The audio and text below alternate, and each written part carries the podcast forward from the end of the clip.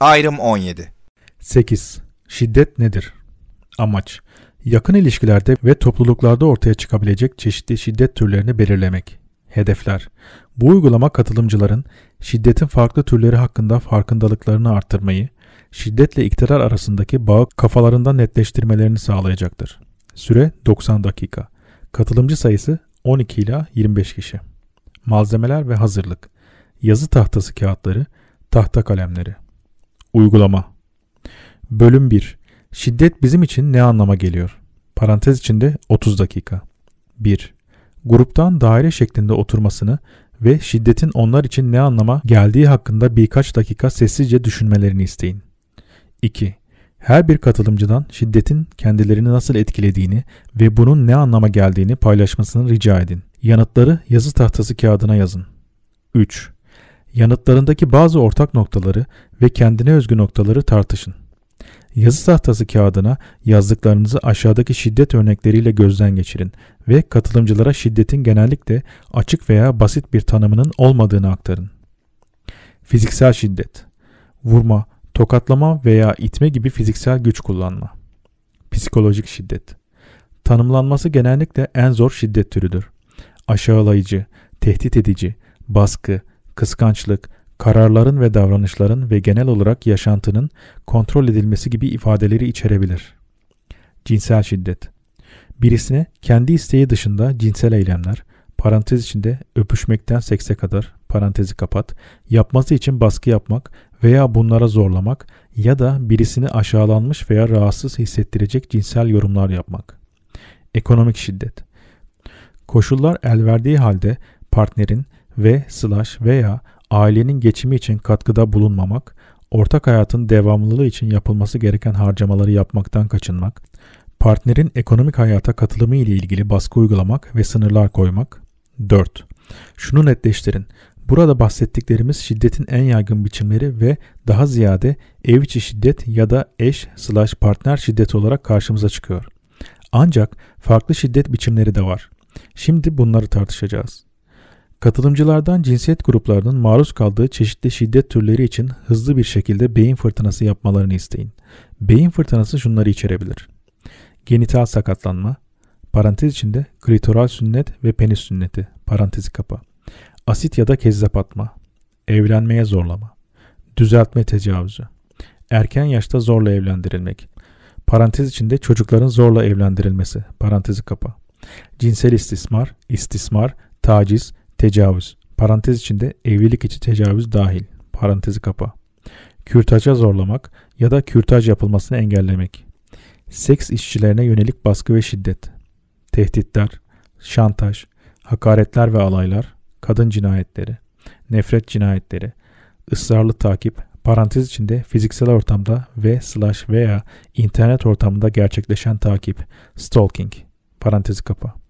LGBT artıların maruz kaldığı ön yargı, ayrımcılık ve nefret suçları.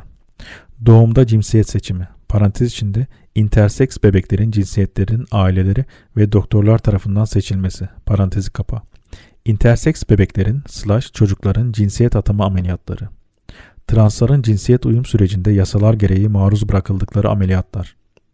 Kontrol etme, parantez içinde kadınları çalışmaktan, eğitimden, sağlık hizmetlerinden, iletişimden, aile ve toplum ağına dahil olmaktan ve gelirden mahrum etmek. Parantezi kapa. Siber zorbalık. Özel ve kişisel bilgilerin gizliliğini ihlali. Parantez içinde cinsiyet kimliği, HIV statüsü. Parantezi kapa. Bölüm 2.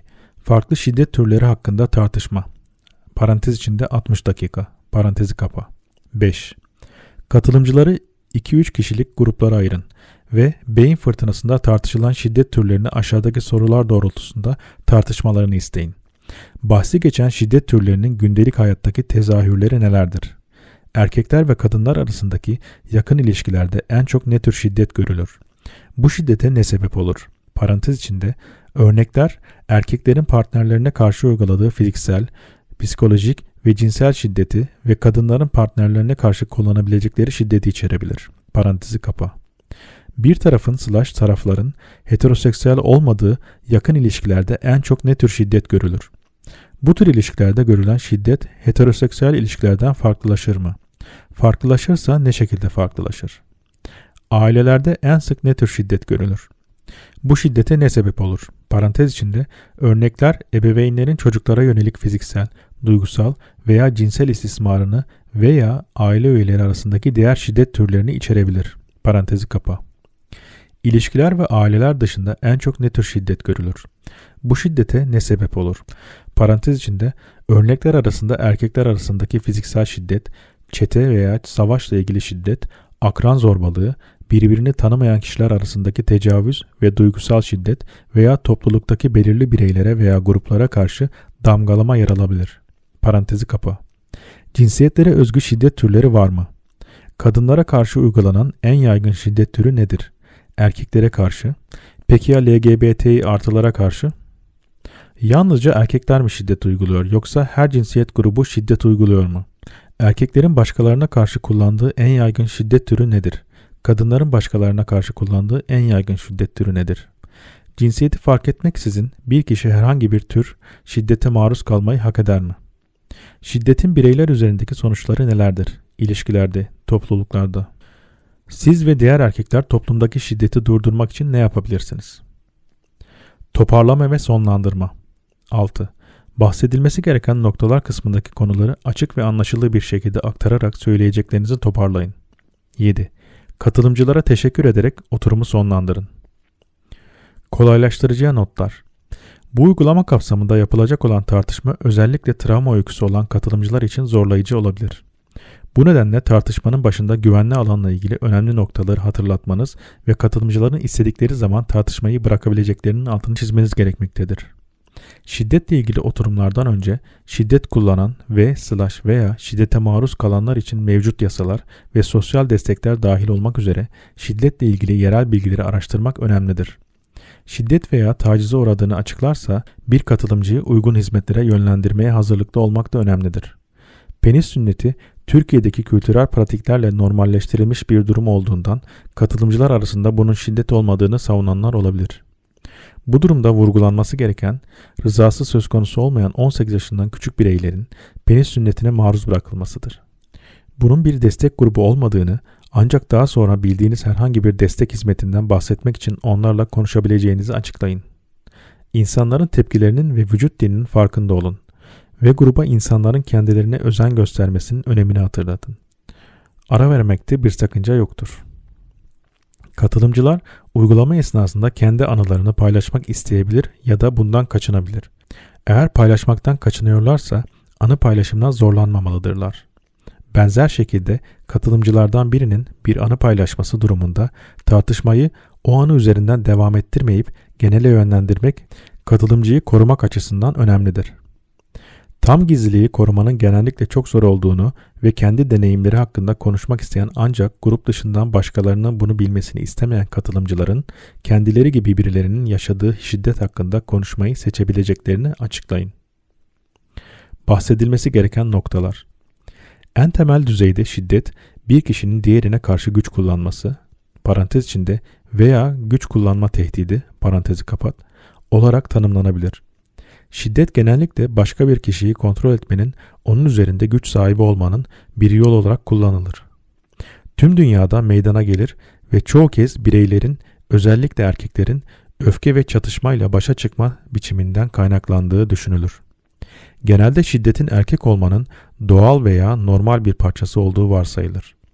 Ancak şiddet öğrenilmiş bir davranıştır ve bu anlamda şiddetten vazgeçmek ve önlemek de öğrenilebilir. Erkekler genellikle duygularını bastırmak üzere sosyalleştirilir ve öfke bazen erkeklerin duygularını ifade etmelerinin sosyal olarak kabul edilebilir birkaç yolundan biridir. Dahası erkekler bazen kadınlardan belirli şeyleri parantez içinde örneğin ev işleri veya seks parantezi kapa bekleme hakkına ve kadınlar bunları sağlamazsa fiziksel veya sözlü tacizde bulunma hakkına sahip olduklarına inanmaya yönlendirilir. Erkekler görüşlerini veya kararlarını ileri sürmek için de şiddete başvurabilir ve böylece eşler arasında prezervatif kullanımı, seks ve HIV statüsü hakkında iletişim neredeyse imkansız hale gelebilir. Erkeklerin duygularını nasıl ifade ettiklerine ve kadınlarla nasıl etkileşimde bulunmaları gerektiğine ilişkin bu katı cinsiyet rollerinin hem erkeklere hem de ilişkilerimize nasıl zararlı olduğunu düşünmek önemlidir.